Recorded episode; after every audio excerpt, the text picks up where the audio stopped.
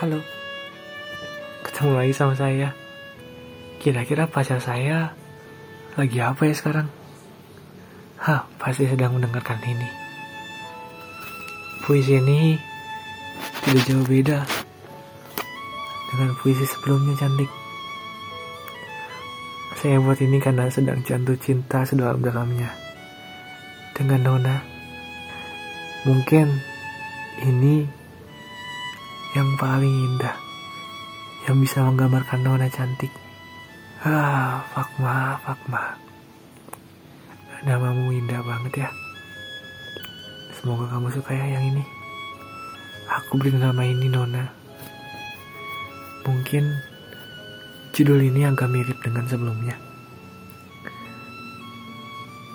Tapi dalam bayanganku, seperti kemarin, kamu sesempurna itu. Ini isinya. Jiwa yang kini jatuh terampas ombak, terombang ambing di tengah lautan. Lautan rasa mencari jejak. Entah ke mana sang pujan hati. Bunga bermekaran bersamanya. Puisi ini rampung karenanya. Nona, izinkanlah saya menulis untuk Anda. Tulisan abstraksi yang penuh makna. Dengan rasa di dalamnya. Sastra indah, layak untuk Nona. Berpuitis, sembari mencari inspirasi. Lalu datanglah Nona dengan sejuta keindahan.